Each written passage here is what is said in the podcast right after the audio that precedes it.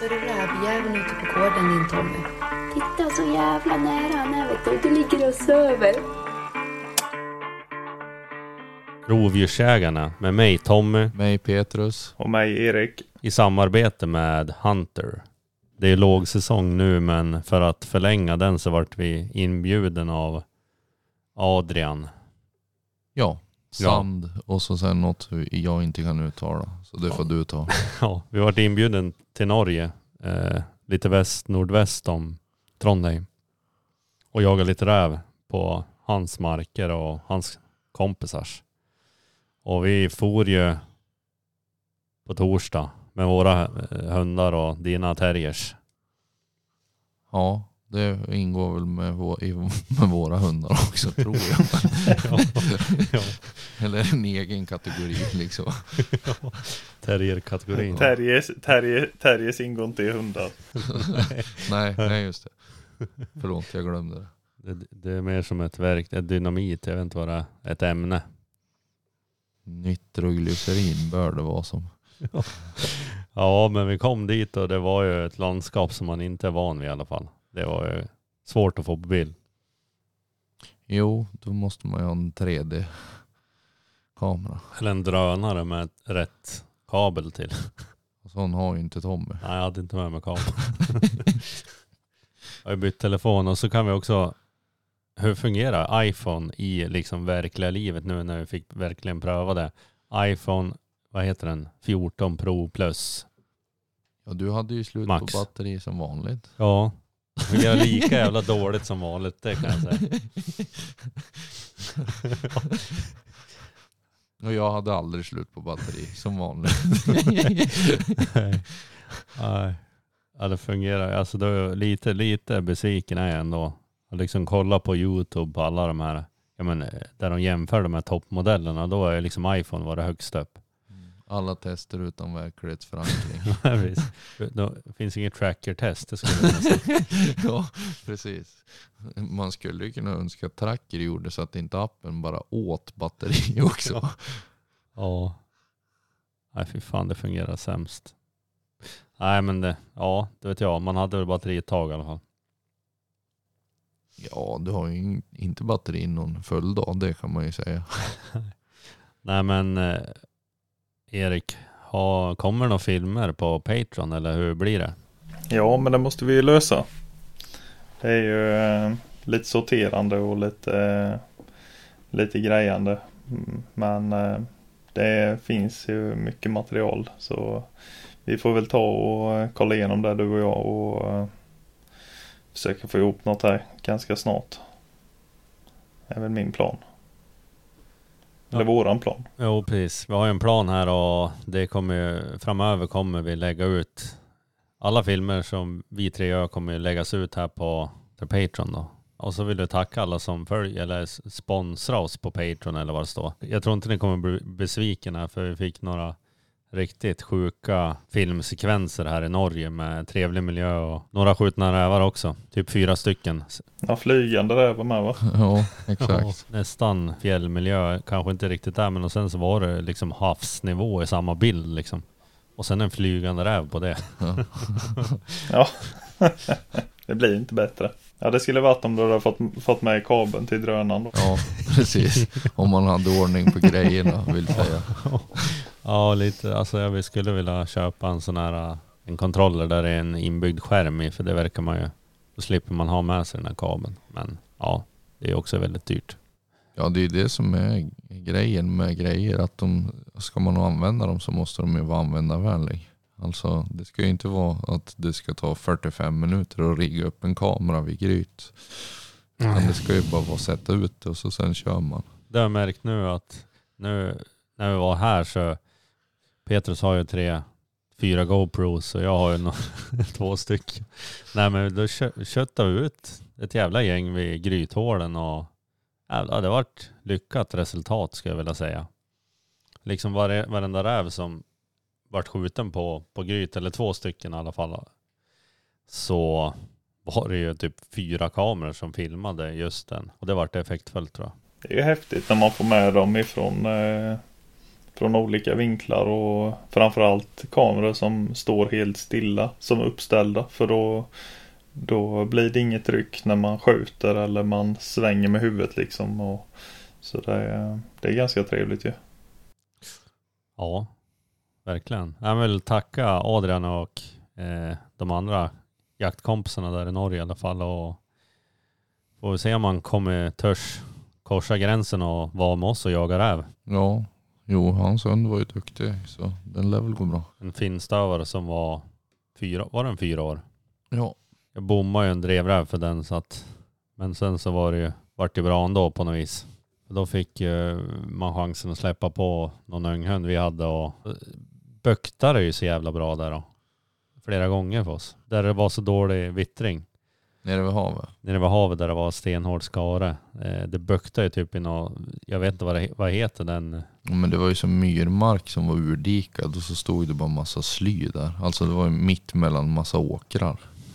Jag vet inte vad man kallar det. Alltså, Nej. Det var i alla fall i den här 200 gånger 200 meter kanske det var. Det böktade ja, över en timme där inne. Det smällde ganska, det var några smällar där också. det resulterade i ett gryt i alla fall. ja.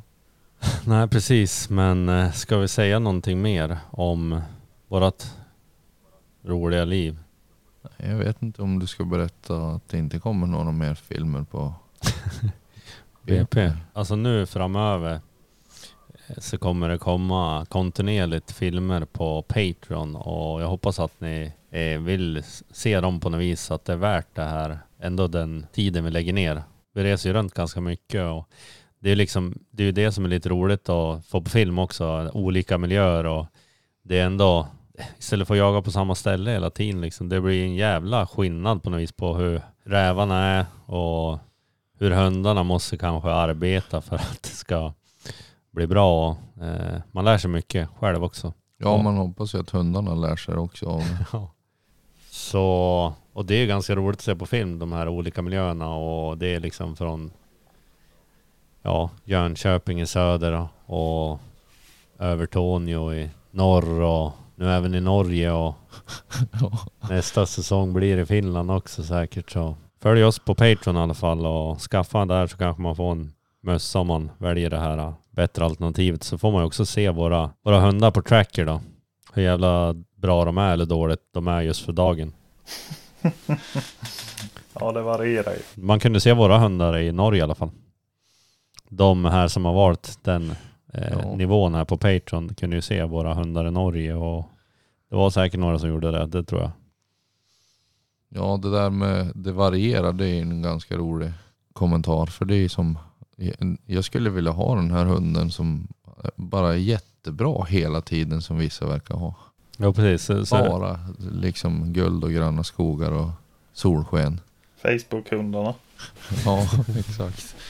Det, Men man är, ju, man är ju ganska dålig generellt på att- att lägga ut när det går dåligt av förklarliga skäl. Det är inte så roligt. Man är ju inte Det är inte det man tänker på. Men eh, jag tror det är nog Det är nog alla, alltså Det går ju dåligt för alla. Emellanåt. jo, jag är dålig på att lägga ut när det går bra också. Så det, ja. Jo. vissa är genomgående dålig som jag. Något som han säkert varit, eller det sa ju också, Adrian här, att han har aldrig varit med om att en hund lyckats få ut tre gryträvar på, i rad liksom på tre försök. Så det var nog bra reklam för tysk jaktterrier och Petrus hund överlag där. Inga kommentarer. Han vill inte säga något positivt men, Nej. ja, det, gick, det var roligt att stå på Jo, gryt det kan jo, säga. Det, Jo, det var ju tre gryt och två var ju faktiskt, ja, ett var ju ett jävla bergsgryt. Eller, nej, två var ju riktiga jävla bergsgryt. Så det var ju liksom, man tänkte ja här kommer man ju få stå till eh, midnatt. Men det, Ja. jag tror inte det varit en sammanlagd grytjaktstid på över en timme ens, Nej. på tre gryt. Nej, så det var roligt. Sen så är det ju inte alltid så såklart, men det är roligt att det fungerar när man åker iväg. Så är det. Ja, det är väl då man tycker att, eller verkligen vill att det ska fungera. Är man hemma så kan man väl stå och svära vid någon stenhög. Men när man far bort så vill man ju liksom att det ska funka bara. Det var ju också det att det var ju Ja, till första grytet var på var det så jävla jobbigt att gå bara. Det var ju liksom tvärt jävla uppför. Och så liksom, ja, det var ju inte, ja, det var ju konstant samma lutning i, på gränsen att det gick liksom gå. Alltså det var ju, det, Jo, det alltså, kunde inte vara det- några brantar eller Nej, har du ramlat så har du inte stannat på 40 meter. Det är liksom, Ja, det lite. man, man gick, gick så fick man snö i, i stövlarna. Och som så jävla brant. Nej, därav hoppräven ut över det sen. Det var lite roligt för han kom ju alldeles vid fötterna på oss också. Alltså vid ett hål Ja. som vi inte visste. Fan. Ja, han sprang ju nästan in i Mats där. Ja. ja. Han tänkte nu kommer hunden tänkte han tror jag. Han hade precis kollat bort tror jag på videon. Jo, men han, han höll väl på att säga åt sin hund att vara tyst. Jo. Det var för övrigt hans hund som hade grytat en, en TVC va? Jo, 11 månaders TVC. Det var ju kul. Det var första grytet den fick vara med på när det kom ut en räv. Och så just det stå och se hela när den kommer och flyga ut för branten för hunden också. Jo. Det var ganska givande får man hoppas. Just den här filmen kommer komma inom några veckor på Patreon så passa på att bli medlem där i alla fall. Om man får göra lite reklam om oss. Ja. Det kan ju vara bra om man vill få någon att prenumerera. Ja, precis. Inte bara podd utan video också. Framförallt video så småningom. Ja, det var ju tanken lite grann när vi började den här Patreon att det, det skulle vara video men sen så integrerade vi podden i det också såklart och fått lite förmåner på det också såklart. Eh, Det här med tidig, tidig tillgång till avsnitten och lite längre avsnitt eller lite extra material som jag har klippt ihop som, som är bara för de som, de som stödjer vårt arbete för vi lägger ändå ner ganska mycket, mycket tid på det allihopa. Så att, tack så mycket att ni, till er som support oss.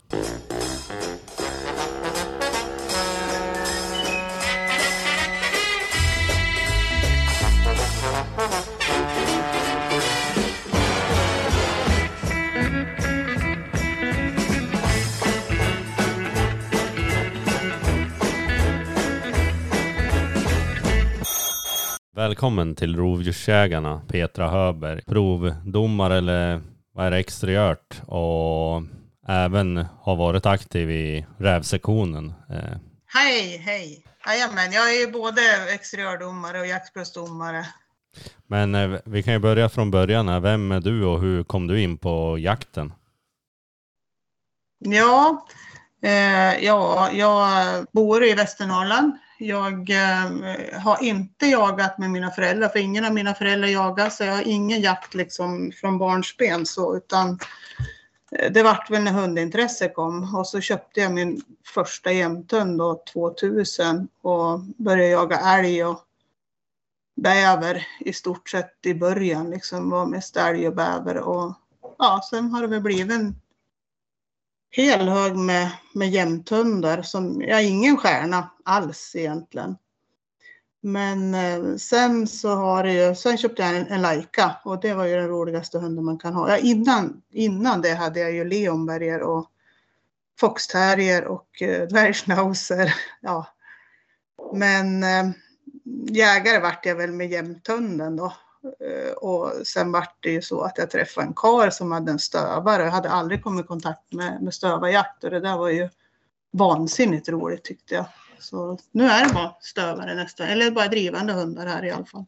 Ja, precis. Och du har ju dömt både min och Petrus eh, Smålandsstövare här och, som kommer från Asta. Och lite grann, hur kom du in på att börja döma hundar då? Om vi kan ju börja med exteriört, hur kom du in på det? Ja, alltså jag har ju haft uppföljning på Leonberger då sen 90, 90, kanske 95 eller 96 hade jag första kullen och sen har jag haft många kullar på Leon. Jag har ju haft eh, ja, 30 valpkullar och, och ja, haft en eh, framgångsrik uppfödning skulle jag säga. Mycket champions och, och ja, multichampions kallar man ju dem när de bara är, det är bara utställningsmeriter de behöver. De behöver ju inga provmeriter mer än att de ska vara mentalbeskriven och ja, lite veterinär eh, hälsostatus och sånt. Men Men de var väl som snygg de där och det var väl som, jag var inte alls tänkt att jag skulle ha någon utställningshund utan det var en lydnadshund jag var ute efter. Första jag köpte dem men de var väl snygg och sen har jag väl lyckats med utställningsbiten och uppfödningen och ja.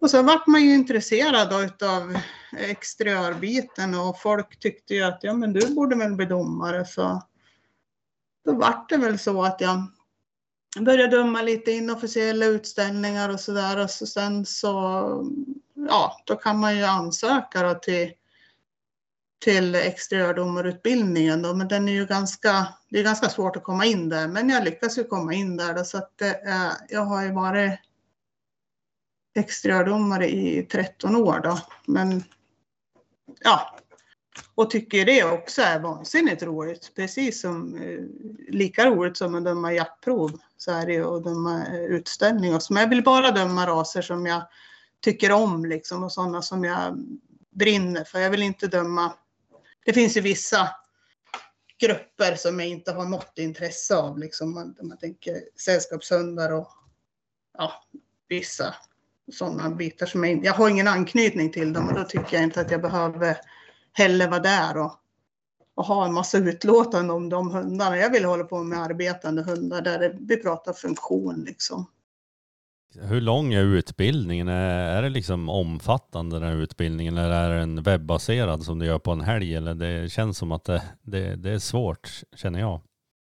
Ja, det är ju ganska lång eh, utbildning skulle jag säga. För att det är ju, det kräver ju ganska mycket av dig som person. Liksom, att du ska ha, först och främst, du, du kan inte komma på det här liksom hur som helst att ja, men jag ska nog bli utställningsdomare. För först måste du liksom ha presterat någonting. Du måste kanske ha fött upp eh, ganska stort antal hundar som, som ser ut som den rasen du föder upp. Eh, Ja, den ska vara rastypisk och den ska ja, gärna vara ganska lite bättre än, än medelmåtten om man tänker så. Då. Och sen ska du ju liksom ja, du ska ha ett hundintresse överlag. Man tänker, jag har ju varit både beskrivare, mentalbeskrivare och ja, man ska ha ett stort hundintresse. Liksom. Det, det, det går inte bara att vara lite, lite smått hundintresserad utan du ska ha genuint hundintresse. Och sen ska du gärna bli rekommenderad av rasklubbar och kanske länsklubb, kennelklubben ha stor integritet säger de. Man får ju inte hålla på och liksom skriva saker på Facebook eller på Instagram eller ja, med sociala medier överlag. Man måste liksom eh, tänka sig för så att eh, för du, det blir ju lätt anmäld som domare. Det blir man ju inom alla Alltså där man syns blir man ju lätt anmäld så att lite, lite sådana saker också. Att man får tänka sig för vad man säger och hur man agerar och, och sånt. Och. Men sen är det ju också, du, du ska ju liksom du, jobb, du måste jobba som ringsekreterare, jag vet inte hur länge, men kanske fem år eller någonting. Att man, så att man är liksom riktigt insatt i utställningsreglerna, vad det är som gäller och, och, och så. Och, när man väl liksom har uppfyllt alla de här kriterierna med, med vad det är, då ska man ju göra ett Eh, eh ett prov. Då är det teoriprov man ska göra. Eh, ett anatomiprov och så är det med reglerna. Vad som gäller regler och bedömning för utställning. Och så sen så har man ju också, ja, det är en sån här jättehemsk intervju såklart, där det är en panel med sju stycken från Kennelklubben som ja, grillar en ganska hårt. För att man blir ju ganska hårt utsatt också som domare, ifrågasatt liksom. Och de, ja, det är bara den som vinner som tycker man är bra, resten tycker att man är en idiot liksom. För att man vet ju ingenting tycker om liksom. Men eh, det handlar ju om att läsa rasstandarden. Det handlar ju inte om vad jag tycker, det är inte mina åsikter utan det är ju man bedömer ju hunden mot rasstandarden så att det är inte liksom vad jag tycker. Men eh, ja, om man blir godkänd där då då får man ju eh, gå preparandkursen. Då, då är man en vecka på Östermalma och då dömer man ju hundar från morgon till kväll och det är ju alla möjliga raser, sådana som man aldrig har sett ens. Alltså det men man ska beskriva hunden, beskriva vad man ser liksom och ja, lära sig att använda rätt språk när man beskriver hunden. Och, men sen också så ska man ju ut i, i ringarna då, när man är färdig, om man klarar då, den här preparandkursen. Då ska du ut i ringarna och gå elev då. Och då är det ju tre ele elevtjänstgöringar och två aspiranttjänstgöringar per ras. Och man får max utbilda sig på fem raser till en början. Och sen måste man ha dömt de här i två år innan man får vidareutbilda sig då. Och så får man ju max vidareutbilda sig på åtta raser per år, inte mer då. Så det är ingenting man blir liksom över en, en weekend och inget webbaserat utan det är hands-on som gäller och man blir bedömd hela tiden, alltså från dag ett liksom till att man är färdig domare. Ja, Erik Sjöberg, har du några reflektioner på det här? Är det någonting du vill bli extradomare? Nej, det, jag, eh, jag kände det att det är ganska hårda krav för att bli det. Eh, jag har ju inte... Jag tänkte faktiskt jag skulle fråga Peter där för det är hur man får, alltså hur man får folk att bli mer intresserade av utställningar där. För jag känner ju själv att jag är ju jag är ju mer intresserad av jakten och jaktprover och det, det, blir, eh, det blir lite sekundärt just med utställningen, men även att jag tycker att det är viktigt så ja, man, eh, det, jag har hamnat lite åt det hållet. Ja, och jag, jag, tror att många hamnar där för man tror att det här handlar om en tävlan om att vinna liksom. Men det är inte det det handlar om hundutställning utan det är liksom en utvärdering av ett avelsarbete. Och, och, det har ju inte alls med att göra ha den snyggaste hunden för det är ju, alltså nu, nu tycker jag om man tänker stövare överlag har ju en god exteriör. Jag tycker de ligger väldigt liksom nära standarden. Det, det kan vara någon färgsättning som är inte riktigt där den ska vara. Men i övrigt så är de ju sunda hundar. Eh, men, eh, men det, det, är ju en, en, utvärdering av avels, liksom vad man avlar på. Det är, det är ju egentligen inte en tävling. Men sen har det blivit, en del blir ju liksom nitiska.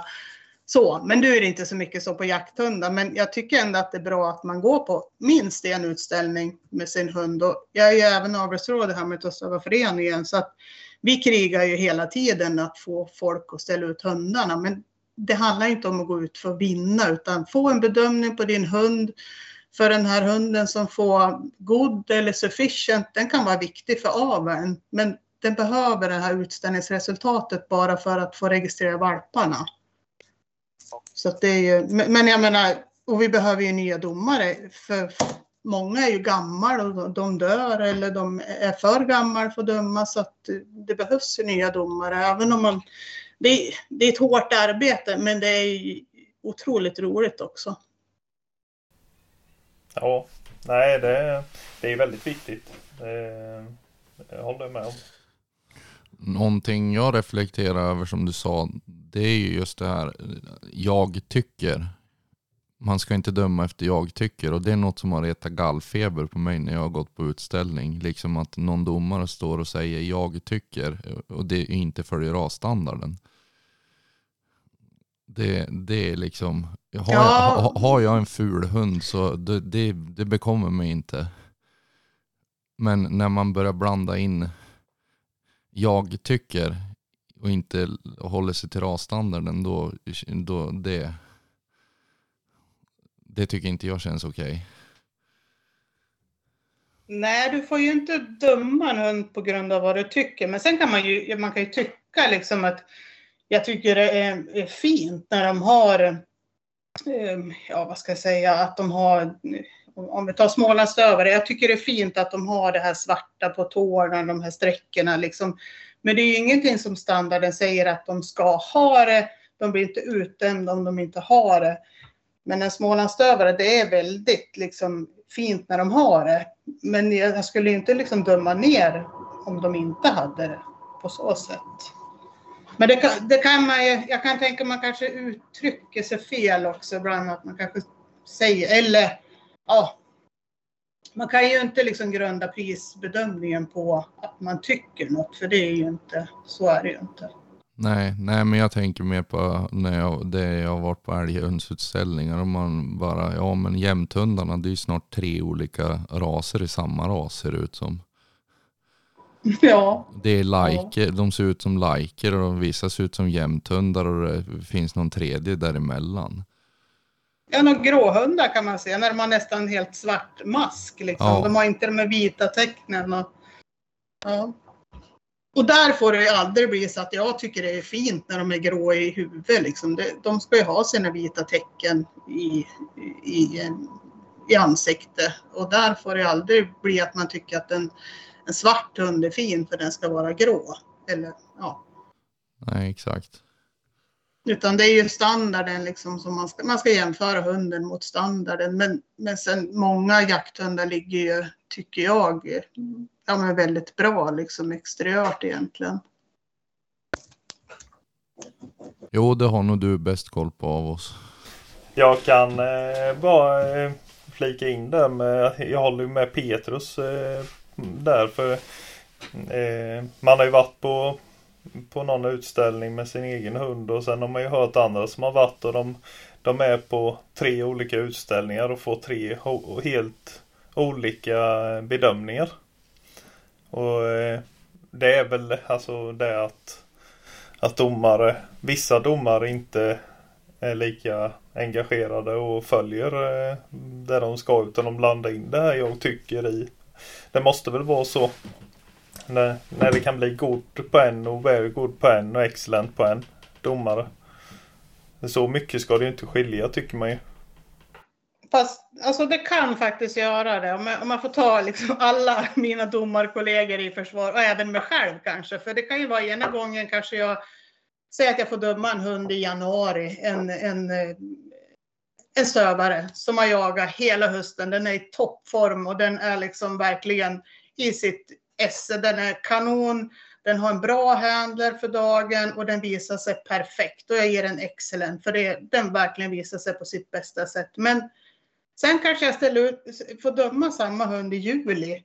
Den är fet och den kanske har en händer som är oengagerad. Hunden vill inte visa tänderna för den kanske har ont i en tand. Ja, då kan jag ju inte ge den excellent för den är inte där liksom. För den är både fet, den är ohanterlig och den är dåligt visad. Då kanske den hamnar på ett god. Så det finns, det finns också skäl till att man drar ner pris även om det är samma hund. För dagsformen har viss betydelse faktiskt. Du säger att man ska visa hunden på ett bra sätt som en handler och jag sprang ju lite grann åt fel håll nästan där och Nej, då hade hunden på fel sida ja, om dig. hunden på fel sida. Nej, men eh, hur agerar en bra handler? Ja, en bra handler. Tänk så här, du har kanske, säg att du har max tre minuter i ringen, alltså totalt. Du har, det är liksom om du har tur så får du det. På en, kanske en stor utställning, och kanske du har en och en halv minut. Engagera dig i hunden, visa den på bästa sätt, framhäv hunden. Stå liksom inte och prata i telefon eller ja, men, i vad som händer utanför Ingen Skit i det, utan fokusera på att domaren ser dig och visa upp hunden på bästa sätt. För det är liksom, vi är ju också som domare så himla tidsstyrd. Alltså, eh, på specialutställningarna, där brukar det inte vara något större problem. Men om man tänker kennelklubbsutställningar, då är det oftast väldigt tidspressat och det är någon som ska med planer och en bissfinal Och, så man har så himla kort tid och den här lilla korta stunden man har i ringen så ska man bilda sig en uppfattning om hunden. Och krånglar den då att man inte får hantera den, ja, det blir ju inte bra. Utan du måste ju titta på tänderna och ja, men, se så att man får hantera den. Så se till att ha en tränad hund och så sen vilket håll man springer åt. Ja, det blir ju väldigt rörigt om alla springer åt olika håll. Men det är ju ingen katastrof när man gör det i den enskilda bedömningen. Det gör ju ingenting. Alltså för, för, och jakthundsdomare, de är oftast vana att hundarna kan springa lite hit och dit och inte så himla tränad kanske. För det är ju som ett nödvändigt ont bara det här med utställning tycker ju många. Men, men att man åtminstone får se den i trav och ha hunden i fin kondition. För en jakthund, bara för att det är vila, behöver den inte bli fet. Den ska ändå liksom vara i bra kondition för dagen. Och det är ju liksom hela året. För det blir bara jobbigare att få dem i form om de är ja, sommarkondition som man kallar det. Det blir ju bara värre för dem när de ska igång sen. Men så håll dem i, i bra kondition. Och gärna en ren hund, det skadar ju inte. Det är trevligare att ta i. Och trevligare för de andra utställarna. Eftersom man är ju och fingrar på alla hundar. Någonting jag brukar tänka på när jag ställer ut eh, det är väl att värma upp hunden. Eh, hur viktigt är det egentligen? Ja, det, det kan ju vara avgörande för dagen. Eh, om man tänker juniorer, de är ju inte färdigväxta. Så de har oftast lite problem att gå i, i, i trav. Inte alla raser, men många raser kan ha lite problem att få travet liksom att vara bra. Så att med juniorer kan det vara ännu viktigare att man värmer upp dem och får dem att gå i trav. Och att man själv liksom håller den, det tempot med hunden. För det handlar ju inte om att springa fortast. Utan visa upp hunden där den visar sin rätta steglängd och liksom hur den rör sig. Så att en bra uppvärmning är ju, det är ju jätteviktigt såklart. För menar, det, det är så få minuter du har liksom på det. Och då ska du liksom ge, göra det bästa av de här få minuterna i ringen. Och tänk på att allt fokus är på dig och din hund och visa upp det bästa du har för dagen. Är det någonting mer vi vill, eh, som har glömt bort här i utställningsringen? Är det något vi inte har berört? Ja, jag, vet, jag tänker så här, liksom, visa upp din hund oavsett vad dina kompisar säger om den, att den är ful eller den är snygg. Ja, men gå, gå och visa upp den en gång. Är du inte nöjd med resultatet, ja men gå till en annan domare då. Man vet aldrig. Det kan gå bättre och det handlar inte om att vinna utan det handlar ju om att visa upp hunden och få den bedömd. För jag tror att också uppfödaren till den här hunden blir glad om du går på åtminstone en utställning. För då får, får liksom uppfödaren sitt avelsarbete utvärderat. Att, hur vart det här egentligen? Vart det bra eller vart det dåligt? Och vad ska jag tänka på i fortsättningen? För de har ju den här mamman, kan jag tänka mig, till den här valpen eller den här hunden ska kanske ha en eller två kullar till och vad ska man tänka på? Vad kan jag förbättra? Vad var det som varit bra? Liksom, hur ska de gå vidare? Ja, men nu tänker jag inte bara jaktligt, för förmodligen så jagar de ju bra eftersom de går i avel, men, men också exteriört. Liksom. Och, som sagt, en hund med sufficient behöver inte alls vara utesluten ur avel. Den kan vara en, en bra individ för någon som kanske behöver just det den här har som är bra. För några titlar, det nedärvs aldrig på hundar. Nej, det är bara folk som har den fördelen. Ja, och det, det är också... Men det, och det är så svårt när man, när man sitter som avelsråd också och, och försöker liksom rekommendera. Man tänker här, här har vi en blodslinje som det är bra jakthundar. Men ägarna är inte intresserade av varken jaktprov eller utställning. Men de har gått ett jaktprov eller, eller två och de har gått en utställning. Men, men den kommer aldrig bli champion eller dubbelchampion. Men den kan ändå vara viktig för rasen. Men då är folk rädda liksom att använda den här hunden för att eh, ja, du vet den är inte dubbelchampion, men den kan ju vara en bättre nedärvare än, än alla dubbelchampion som finns. Jo men det där är, är inte det där en liten kulturfråga nästan också? Att vad heter det, de som jagar mer hare, det är mer tävlings, eh, alltså folk tävlar med hundarna, eh, jaktprov, än vad de som till exempel jagar räv gör. Känner jag rent spontant. Ja, det tror jag definitivt att det är. För de här rävhundarna, det är duktiga hundar men de är inte så intresserade av att gå prov. Men de, de är liksom erkänt duktiga hundar. Men, men det, är, det är bara liksom hörsägen att man vet att de finns men det är svårt att få dem att gå prov. Tyvärr. Och det är synd. Jo men det är ju bara att gå till sig själv. Man går ett prov, sen är man, ja det man, så att man har fått en ett eller någonting, ja då, då har jag papper på att hunden jagar bra. Ja. Sen så är det liksom, då engagerar man sig mer i jaktdelen. Mm. Sen är det väl också att eftersom eh, just Smålandsöver är en liten ras också så avelsutbudet är så pass litet så eh, på något sätt så krävs det bara en etta där kanske för att få den eh, att gå i aven på ett annat värde gentemot typ finstövare. Liksom, då, då värderas ju kanske inte en etta där lika högt eftersom det finns så pass många eh, individer med just en etta.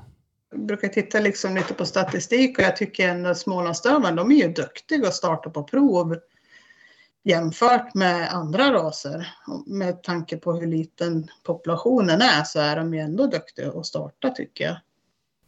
Det kanske är så med att det går ut färre med valpar och att de, de uppfödarna är noggrannare med vart de hamnar. Eh, på det viset kan ju vara en förklaring. Och rent generellt så får de ju mindre kullar också. Ja, och så är det ju det är kanske inte i antal så många valpar men inte heller så många tikar som paras heller. Så att det blir ju få. Och det är klart, de som föds, de är ju bokade för länge, länge sedan. Och med hög efterfrågan så kan man ju ställa höga krav på, på köparna. Så det, Jo, exakt. För det, man hör ju många, eller många, men flera stycken som har, man har träffat som har stövare som liksom står med tio valpar och de har två sålda. Så det är ju som, alltså då har det varit folk som har haft harhundar och det är jävligt, måste ju kännas jävligt trist. Men hur upplever du det här med rävhundar och harhundar, alltså stövarjakten här? Upplever du någon slags uppsving? Ser du liksom yngre folk på de här utställningarna eller har, har, har du märkt någon trendbrott där om man säger? Ja, alltså.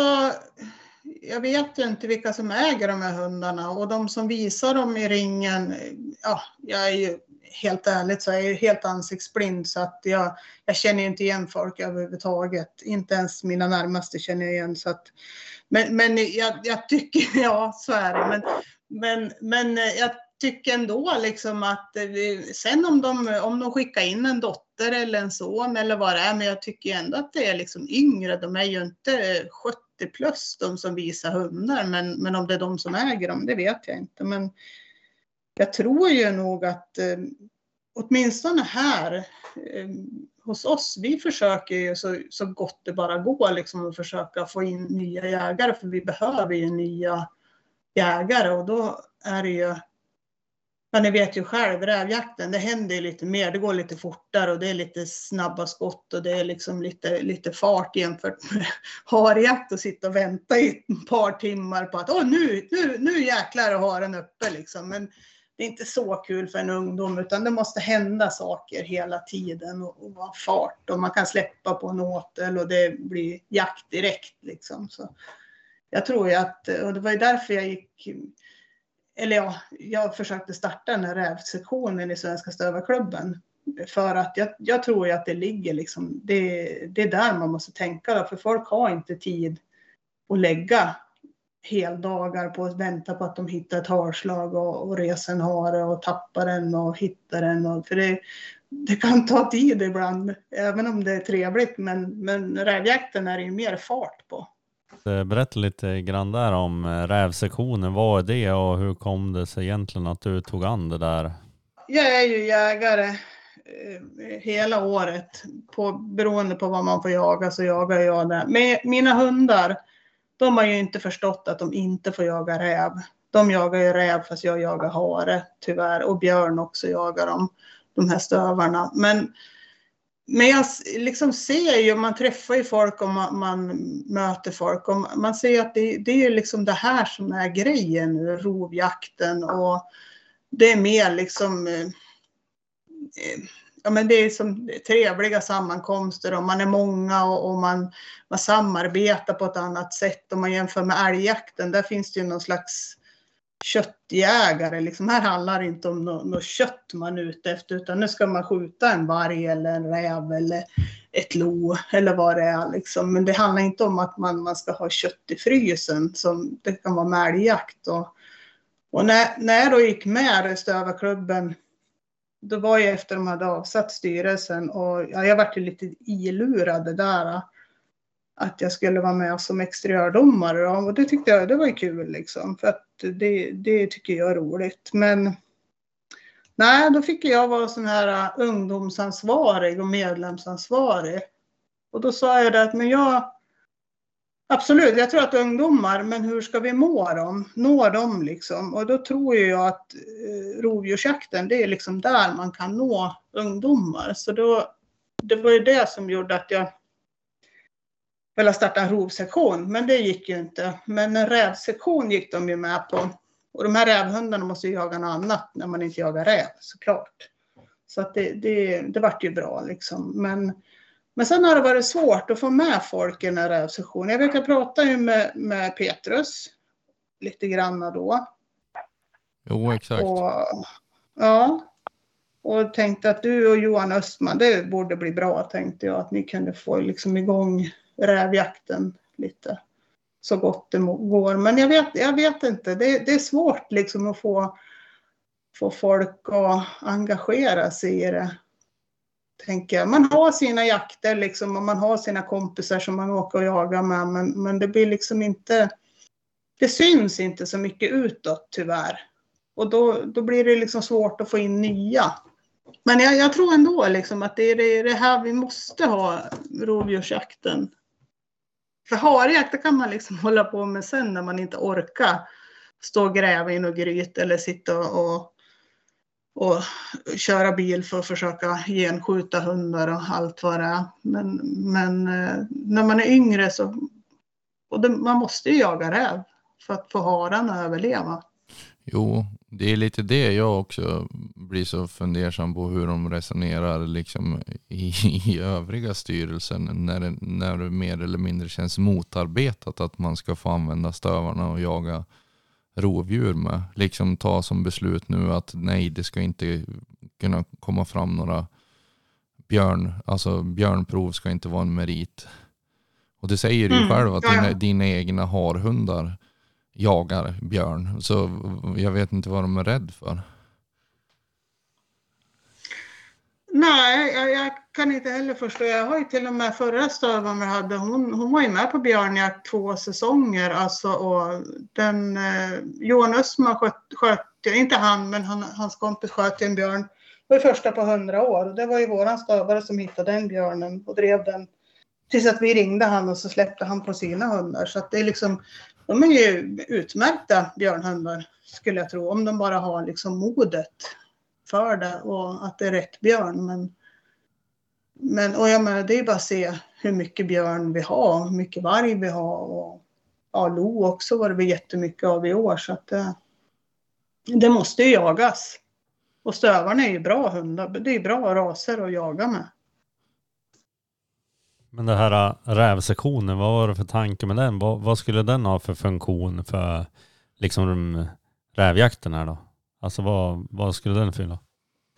Ja, jag, jag tänkte så här att liksom främja rävjakten för att det är så himla enkelspårigt mot hare, för det är bara harhundar man ser liksom. Och, eh, ja, men det är så stort med, med med hare. Och vi vet ju att de här rävhundarna, de jagar även hare. Det kanske ni aldrig har varit ut för med era hundar eller? Men... Nej, inte vad vi sagt till podden. nej, nej, nej. Det, det, förstår jag, men jag, jag har ju jagat med många rävhundar och de är ju fenomenal på hare faktiskt. Precis som mina harhundar jagar ju räv otroligt bra. Ofta de många bra jakter jag har haft. Liksom, innan jag sett revdjuret så har jag tänkt att nej, men nu, nu måste jag gå in och skjuta. Så nu har de varit duktiga. Och så bara, nej, då kommer det en räv. Ja, för då, då, då har man inte liksom gått in och sett djuret förrän ja, för sent. Så, där. Men, så jag menar, de driver hare och de driver räv. Sen är det ju upp till ägaren liksom att bara forma hunden till det man ska använda den till. Och jag tycker, vad gör det då? Vill du jaga björn och och mård och lo med din stövare, ja men gör det och det är din hund. Det spelar väl ingen roll. Det är ju synd, det kommer aldrig gå eh, liksom att gå ett prov med den hunden och det kommer aldrig synas att den, den är en duktig jakthund. Men är den bra för dig? Ja, det är ju bra liksom. Bara du får den hund du trivs med. Så det var liksom att jag tyckte att man skulle framhäva rävjakten mer än vad det har synts nu. Jag tycker det har liksom bara varit fokus på hare i många, många år. Så att eh, det, ja, Och, ja, så tänkte jag att det kanske kan få ja, nya medlemmar, nya stövarägare som skaffar sig en, en rävhund. Eller ja, rovhund, vad de nu vill jaga med det. Jag tycker inte det spelar någon roll liksom. Bara, bara de inte jagar rådjur med det. Ja, men det är ju det som man, man blir så konfunderad över också. För hur många stövare kommer du få som startar på det där björnprovet? Säg, ja men du får ett 15-tal på ett år. I, alltså nu, Ja. nu tar man bara en siffra ur luften. Det kan ju vara 35 också, det vet jag inte. Men det är liksom, majoriteten kommer ju fortfarande gå harprov. Och de som jagar björn med sina stövare jagar ju oftast räv med. Ja, För annars så Ja. får de en säsong som är 25 dagar. Det är liksom, ja precis. Ja, och det, det var ju precis det jag sa liksom till, till svenskan att herregud, vad gör det om de jagar? Säg här uppe, det kanske är, ja det är gjort på tre veckor. Det är liksom den, men det, det är en bra träning för hunden. Man får ju åtminstone liksom extra, precis som jag tyckte med grävlingsjakten var ju perfekt när det var från första augusti. Du fick en månad gratis liksom och jaga. Alltså då, då menar jag att jag jagade grävling, inte att jag jagade något annat utan jag jagade med, med lajkan. Alltså jag sköt ju otroligt mycket grävlingar med henne. Men då var hon ju i jättefin form till älgjakten. För då hade hon haft den här extra månaden och alla grävlingarna, eller inte alla, men många var död. Och jag slapp att hon ställde grävling på älgjakten. Det var ju perfekt. Och det kan man väl också använda en stövare till. För grävlingsjakten tror jag kommer bli mycket sämre nu när man måste börja 21 augusti. För du tappar ju jättemånga dagar där, där många har jagat grävling ärligt, alltså riktigt, jo, tror jag. jo, men jo, sen så är det ju det att då när, är det ingen som kommer jaga grävling istället. Eller mycket färre. Om man ska uttrycka sig. Ja, På grund av att då är det Ja. andra jakter som startar. ja. Precis, och den här björnjakten den är ju så kort i alla fall så att de här hundarna det är ju förmodligen rävhundar eller katthundar. Men, men att man får de här två, tre veckorna på björn. Ja, och låt det vara så. Vad gör det här då? Nej men det, det, det blir ju det där också när de sitter sen och gnäller på varför folk köper in utländska raser. Att, att liksom, ja men ni, ni motarbetar ju samtidigt att vi ska få använda de inhemska. Ja, precis. Och, och det är det jag menar, just våra svenska raser framför allt borde vi vara liksom mer rädd om. Eh, för de är ju absolut dugliga på, på rov utan problem alltså. Och, ja, sen, sen funkar de väl på hare också. Men jag menar, vill du ha dem på rov, ja men ta dem till det då. För de, de funkar ju hur bra som helst.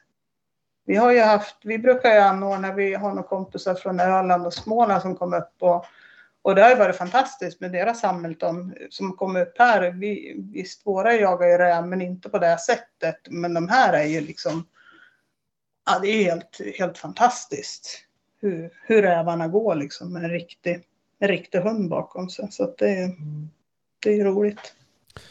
Har du något roligt jaktminne då? Eh, som du liksom ligger dig varmt om hjärtat när det gäller ja, stövare då?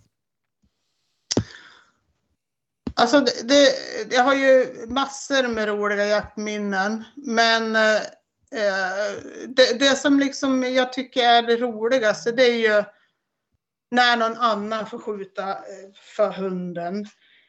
Eh, gärna att man är med några yngre, nya jägare. Eh, det, det är alltid roligt när de liksom tycker att det är det här var himla roligt liksom. Men i höstas hade vi, vi brukar alltid anordna två rävjakter här hemma här då för att vi vill ju bli av med räven.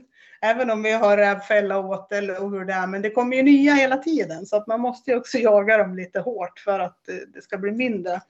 Så vi brukar anordna Eh, ja, rävjakt här då. Då brukar vi liksom ha alla, alla som har småviltskort i, i byn och, och så bjuder vi in andra då som vill vara med. Och så brukar vi ta in hundar. Så att i höstas hade vi då eh, två finstöv, eller ja en ja, halvstövare, han är väl skiller finne tror jag. Eh, den ena och sen en finstövare och så hade vi också en Hamilton. Nu kommer jag inte ihåg vilken av dagarna det var men Ja, vi kör ju liksom. Det är alltid roligt att, träffa, att släppa många hundar. För det, liksom, då är det drev överallt och det, det, är ju, det är ju kul. Alltså, när det är full fart och det passar på. Alltså de driver ju inte på samma räv utan det är ju liksom i hela byn vi kör. Så. Men, och då hade vi en ung kille med på fredagen. Han var helt eh, ny jägare, han hade jagat en säsong älg.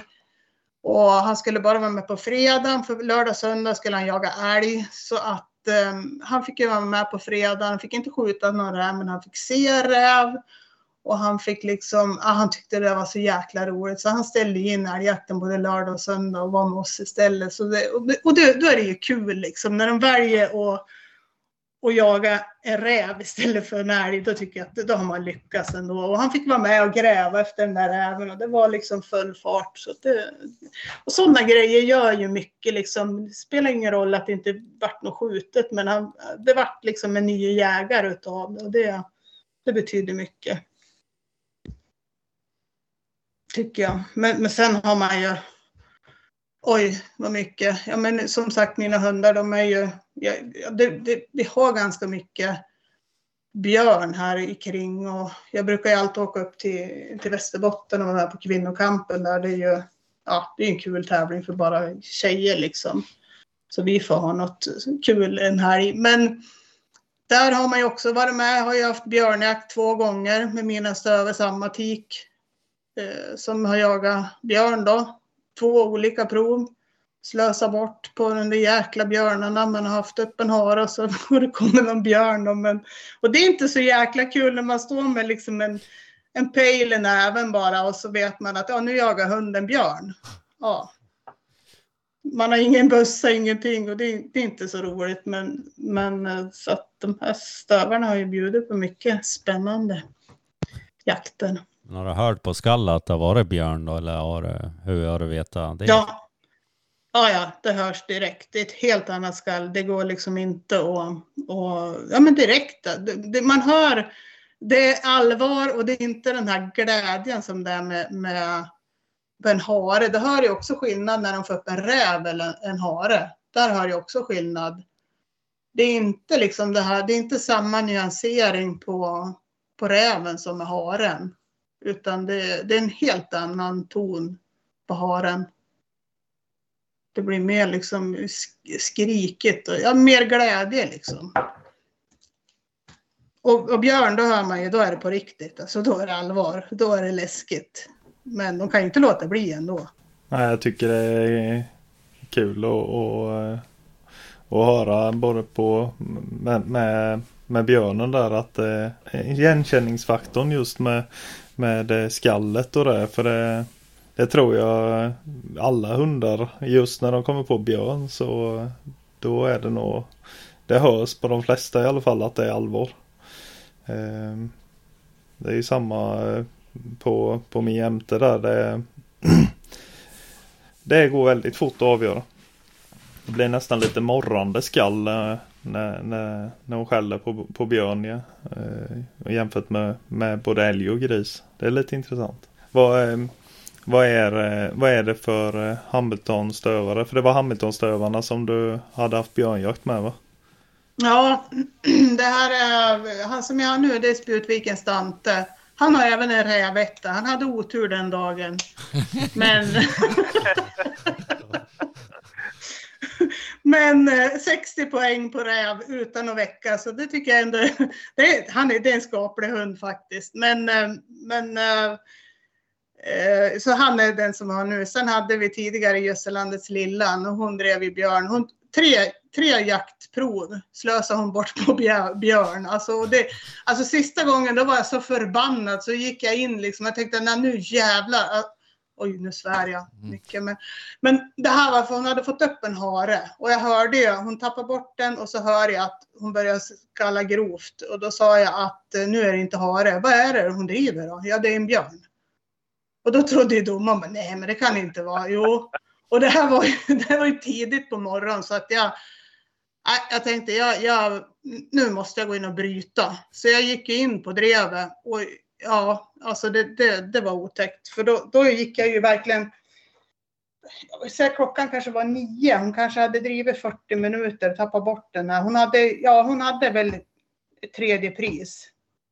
Men eh, jag tänkte jag skulle ha, för jag skulle ha en elitetta på henne. Det var ju liksom mitt, mitt eh, mål för den här helgen. Men, så jag går in på det jäkla drevet och, och ser liksom att jag har hon på 75 meter och jag skriker ju på honom men jag ser hon inte och då kommer ju björnen och så kommer hon och jag bara liksom för då, eh, jag var ju helt liksom, jag skulle ju bara gå det här provet. Och det här var tredje gången som hon höll på med Björn på jaktprov. Så då gick jag bara emot hon och bara skrek åt hon liksom att Lillan kom hit! Och då hörde hon att nej men nu jäklar är det allvar. Så då bröt ju hon och björnen den, den tvärvek ju. Och sen, oj oj oj vilken björnfrost jag hade sen. För då, då var det liksom så, det var så jäkla liksom ja men du vet, man har ingen bössa, man har ingenting och det vart så verkligt att jag var så himla nära björnen. Sen har man ju liksom varit nära den utan att sett den många gånger och sådär om man har vetat. Men då, var, då hade jag ju björn för oss. Jag tror hunden lämnade mig inte förrän 12 den dagen. Alltså hon, hon kände att jag var helt förstörd. Alltså jag skakade så jag höll på och ja, det var otäckt faktiskt. Det, det är sådana gånger man ångrar att man agerar i känslomässig affekt kanske. Ja, precis. precis. Och sen, sen var en gång när jag var uppe i i Norrbotten och jagade. Det här var precis när älgjakten hade börjat så vi var uppe där, var han och kompisar uppe i Abborrträsk och det är ju jättefin, otroligt mycket hare, det är ju fantastiskt där uppe.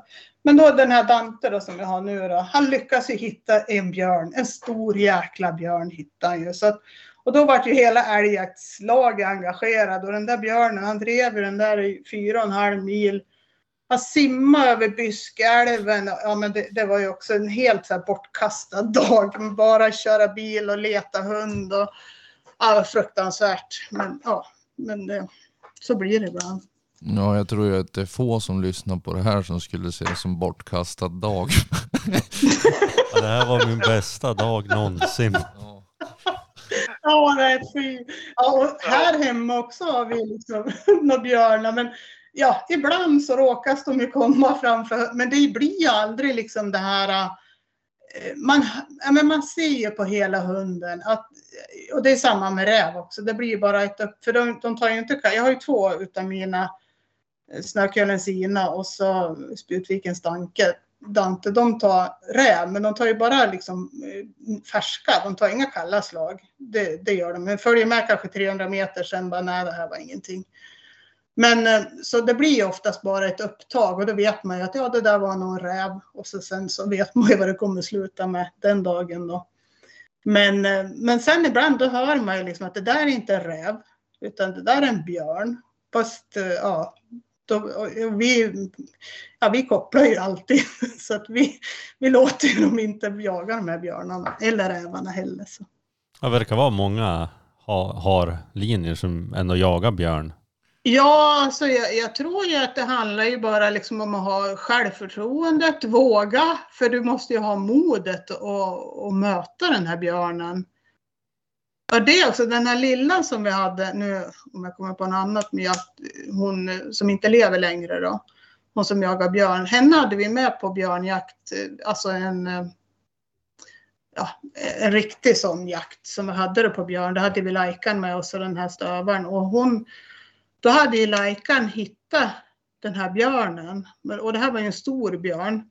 Och den hade ju, den hade ju liksom grävt upp någon jävla jordgetingbo. Och jag vart ju stucken av de här jordgetingarna. Alltså jag fick ju så här eh, allergichock och grejer. Men eller stövaren tog efter björnen i alla fall. Men, eh, men Lajkan hon vek ner sig. Hon fix, alltså den, den var liksom för för jobbig för henne. Hon, hon fixade inte det. Men, men stövaren drev ju den ett tag. Men sen slutade det med att hon hittade en hare så då vart det harjakt istället. Ja, ibland blir det så.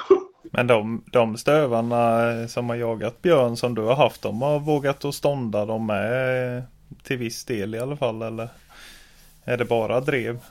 Nej då, och lillan hon, hon träade ju till och med, eller ja jag vet inte hur det gick till, men då var det en björnunge som hon träade det var ju första gången som hon fick tag på björn och det här var ju, ja, säg 21 augusti när man får, får släppa hund liksom. Och det var så jäkla märkligt att hon skällde på samma ställe. Jag tänkte hon, hon skällde ju ibland fågel om det kunde vara fågel liksom. Men när vi började gå dit då, då hör vi mamma Björn som visslar och säger att kom inte hit. Alltså när vi skulle närma oss hunden. Då. Så då hade hon, ungen hade ju träa och där stod ju hunden under och skällde dem. Men man hörde hon vart ju tyst liksom och gjorde sådana här, eh, då var ju säkert mamma där, för jag stack ju till bilen och bara sa att det där får du sköta själv. Så att jag, jag lät ju hon hålla på med det där själv. Men, men, eh, men hon höll ju på i två och en halv timme med den där björnungen. Och, men man såg ju liksom att hon, hon stack ifrån och så tillbaka. Så då var ju säkert mamman där och liksom körde iväg. Hon gissar jag, ja, jag var ju inte där så att. Då får man vara lite försiktig så man inte går in. Ja, och när man har haft lite sådana där upplevelser så blir man ju lite Alltså man blir ju mer vaksam på, på hunden. Man lyssnar ju mer och tänker att ah, kan det här vara en hare eller kan det vara något annat? Dante har även jagat lo också. Det var en, en lodjursunge faktiskt. Då var han inte så gammal. Men det var också bara så här otur i arbetet att det råkade komma en katt i vägen. Men... Så nog finns det, jag tror det finns i alla stövare. Det, det är bara liksom vad du... Och, och jag har ju lärt mig också. Vi har ju kört frisök på alla stövare. Och här finns det räv och det finns lo och det finns björn och ibland blir det fel. Men så att eh, den yngsta stövaren jag har, henne jagar jag in på snö och det var ju perfekt. Så hon är ju helt, eh, hon jagar ju bara hare, ingenting annat har hon. Så att det passar mig utmärkt. Ja, intressant att lyssna på de här björnhistorierna och jag har inte varit med om något sånt. Men det kanske också för att det inte finns så mycket björn där vi jagar, jag vet inte.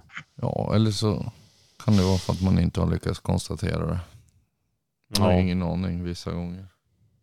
Nej, så är det. Nej, precis. Men då kör vi några snabba frågor här som eh, ja, kanske är lite intressant då. Men eh, ja, jag vet inte. Du sa ju till mig när vi pratade innan att den vackraste hunden var ju en finstövare. Och nu undrar jag, finstövare eller Hamilton? Utseendemässigt så är ju finstövaren otroligt vacker när de är riktigt snygg kan jag tycka. Men så att jag, jag lever ju med Hamilton och tycker det är fantastiska hundar. Så, och jag tycker de är fina också såklart. Ja, Opartiskt. Det var ett diplomatiskt svar. ja, precis. Ja, man vill ju inte stöta sig med Stöva Sverige här på något vis alls. Nej, men, nej, men alltså, jag, jag, ty jag tycker ju att Hamilton är jättefin. Men det ska jag säga att min andra stövare, planen var att jag skulle ha en finstövare efter vi hade haft en, en, en Hamilton. Så då var jag inne på en finstövare. Men då var jag dum, eller jag gick elev på ett jaktprov på en finstövare och det var ingen bra finstövare. Så därav valet att det vart en Hamilton till. Men eh, ja, ja, sen har jag ju dömt otroligt duktiga finstövare. Men den duktigaste hunden jag dömt det var en lucern faktiskt. Och en, en lucern skulle jag absolut kunna tänka mig. Men de, det är en så liten ras och de är ju ojämn. Så att, äh, det har väl ingen betydelse. Bara de är duktiga drivare så spelar det ingen roll vad det är för ras. Och de är lätt att ha att göra med hemma tycker jag. ja, sen tar vi nästa fråga. Hårdskälld eller lös? Oj, ja, jag föredrar lös. Trots att jag har Hamilton som är så jävla hård så skulle jag vilja ha en, en lösare hund faktiskt. Jag gillar när de väcker lite. Men det är ju en, ingen av mina. Men jag skulle gärna vilja ha en hund som väckte. Vi tar rovjakt eller harjakt då? Eftersom jag är ganska lat så tycker jag ju att harjakt är ganska bekvämt. Men jag tycker det är otroligt roligt att jaga rov med andras hundar. För jag är så himla rädd om mina hundar så att jag, jag vågar inte riskera.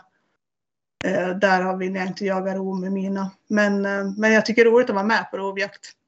Med andras hundar.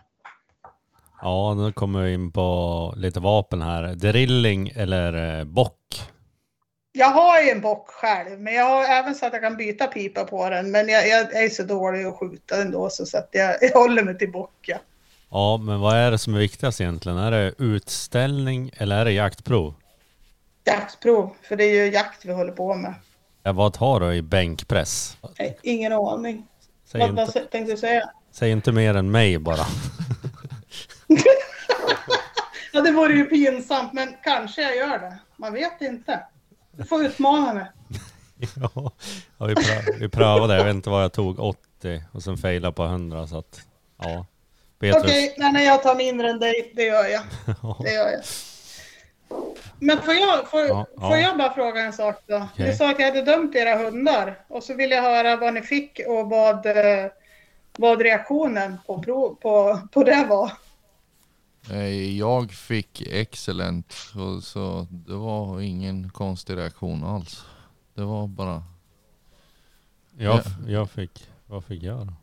very good tror jag. Men du sprang ju med hunden på fel sida om det också så hon såg väl inte så mycket. Det var ju en kort tid. Jag blev ju tillsagd ganska fort. Jaha, okej, ja, ja. Ja, ja men, nej, men alltså man kan ju, man kan ju eh, även om man får excellent eller man får sufficient så kan man ju ändå känna liksom var det rättvist bedömt eller var det helt, var det min hund hon bedömde? Man kan ju känna så. Jo, Kände men- ni att det var på något vis fel eh, bedömt på något vis eller? Nej, alltså jag har, varit nöjd med ve- very good så det... Jag har varit Ja, Very nöjd. Good är ju en jättebra hund. Ja, Alltså det är ju riktigt, riktigt bra. Våra hundar är väl kanske inte de här fyrkantiga smålandsstövarna som de kanske står i rasstandarden att de ska vara. Nu vet inte jag exakt vad det står där men jag tror det i alla fall. de har ju mer uppdragen buklinje om man uttrycker det så. Mm. Men Ja, och herregud, utställningshundar, det, är liksom, det växer ju inte på träd. Föds det en champion i en kull så är det bra. Ja. Det, det är liksom inte så... eh, Man kan inte tro att man får fem championhundar i en kull, utan för så enkelt är det inte att föda upp hundar. nej. Men sen är det ju jakten är ju den viktigaste och att man ser att det är en, en smålandsstövare eh, till exempel eller en finstövare eller vad det nu kan vara. Men att eh, man ser på modellerna. I, ibland kan man ju känna så här att oj, är det här en Hamilton eller en finstövare som kommer in? Och då är det ju fel någonstans. Bara att man tvekar på vad det är för ras. För då är det ju liksom inte riktigt där. Sen kan det ju vara en hund som ligger på Tixi som ligger på god men ändå har bra förtjänster. Fast att den liksom inte är eh, helt perfekt, men den kan ha bra förtjänster för rasen i alla fall. Där kom vi in på något som jag kom på en fråga om Petra. Eh, angående just eh, det här eh, med eh, när man korsar in, alltså rasvård. Hur, hur blir det i bedömningar och Ja, om man tänker som rasvård skiller, då ska det ju, när den kommer in, då ska jag ju bedöma den som en skillerstövare. Även om den ser ut som en finstövare eller, eller vad den nu kan stå ut som. Men jag jämför ju den mot standarden för skillerstövare. Och det är ju inte konstigt om en sån rasvårdshund hamnar på sufficient eller god. Det kan man ju ändå se att eh, vi har gjort något för rasen, men eh, just den här individen ser inte ut som en skillerstövare, men den kan ju tillföra något för rasen och kanske dens barn kan ju hamna på god eller very good med lite tur. Men jag menar, det här är ju ett långt avelsarbete så att det är ingenting som man kan ja, hur som helst. Eh, det är ingenting som är gjort på en generation. Jag, jag vet, ni pratade om Jan-Ove i, i en tidigare podd som, eh, som sköt en lo här i Kramfors. Så han har ju en, en skiller som är, det är lite fin i den. Men den ser ju ut precis som en skillerstövare. Så den skulle ju gott och väl kunna liksom nå ett pris, ett ganska högt pris skulle jag tro. Om man ställer ut den. Ja, vi var ju med han och jagade lite räven då här. eh, Innan säsongen tog dröpligt slut på något vis. Ja men det är lite intressant i alla fall med, med utställningar tänkte jag för det är ju eh, Jag visste inte ens om man, om man bedömde dem utställningsmässigt i och med att det är korsning men eh, det görs ju i alla fall då. Ja, man bedömer dem ju mot den rasen de ska vara, eller alltså den rasen de tillhör. Eh, sen, sen är det ju inte, det är inte konstigt att inte en sån vinner. Eh, det är klart att det finns ju säkert en, kanske att ibland är en, en som ser ut, eller man säger att det kanske man har tagit den individen som är den absolut bästa liksom, i kullen, som ser ut som den rasen det ska vara. Men man, man bedömer ju den för det, men man kan inte förvänta sig att man ska få excellent CK på en sån hund. Och det är ju inte meningen heller. Det här är ju ett långt avelsarbete och vi kanske tänker tre, fyra generationer innan vi är där resultatet ska vara. Ja, precis. Ja, ni ska väl på, på, på Småland, vad skulle ni ha? Nu, Luzern på dem eller? Ja, men det vart ingenting av det. det jag parade, parade ju Asta. Det sket sig totalt. Men vi får väl se om de hittar på någon, något nytt nu då. Det är väl det som ligger i. Ligger i. Det finns inga liksom baltiska raser eller för där har de ju lite eh, ja, annorlunda modeller. Inga sådana som stämmer in där. Det är två, två österrikiska. En ser ju nästan exakt ut som Smålandsstövare. Och de jagar ju samma sak med dem. Så det är väl intressant. Okej. Så. Men Ja. det, det är ju ett tag bort. Ja. Men det ska väl kollas hur de jagar och sådär innan det. Sen ska det ja, bestämmas om de ska ta in valpar, parade hundar eller om man ska fara ner och para hundar. Det är liksom som vanligt sitter ju lite i sirap. Man tänker Smålandsstövare, det är ju så en himla liten ras. Man måste ju agera liksom innan det blir... Det går fort liksom att, att de... Jo, jo sen, sen det är ju det en annan har lite problem med det här med att sitta i, med i saker. Att vad fan, ja nu, nu är det ett år innan det kan tas ett beslut på det liksom. Fan, Mm. det händer ingenting. Man, det känns som Nej. man kommer gå i pension innan det blir något gjort. Hällefors har jag varit med några stycken och, för de mönstras ju in. Där är det ju liksom inte rasvård utan de mönstras ju in. Men där är det ju också så här att vad gör det här om de är sufficient? De är ändå viktiga för rasen liksom. De jagar och ja, de jobbar som en älghund. De ser kanske inte ut som en hälleforsare, men vad gör det då? Men om två led, då kanske det börjar se ut som en hälleforsare. Man måste liksom tänka lite långsiktigt. Jo, exakt. Exakt. Det är som inte bara att tro att det ska komma ut en smålandsstövare eller skiller eller vad det nu är man har rasvårdar mot.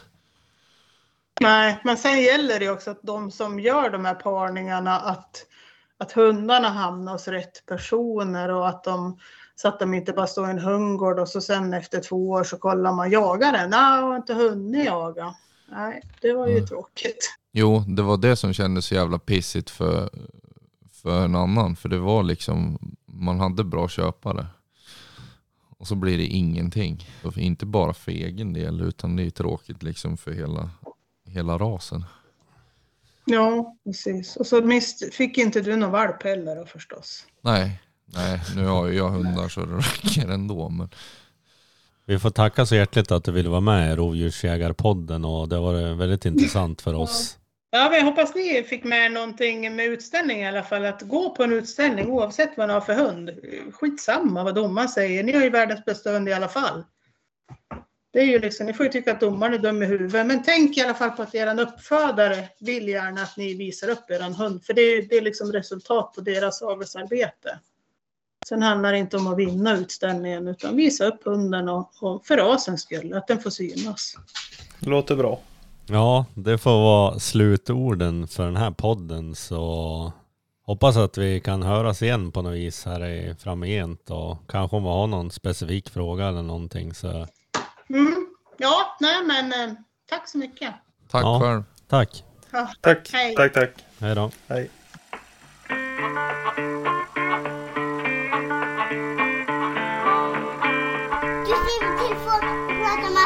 Lund. Jag och jagar. Jagar och jagar, jagar. Med dina kompisar. Du får inte göra det.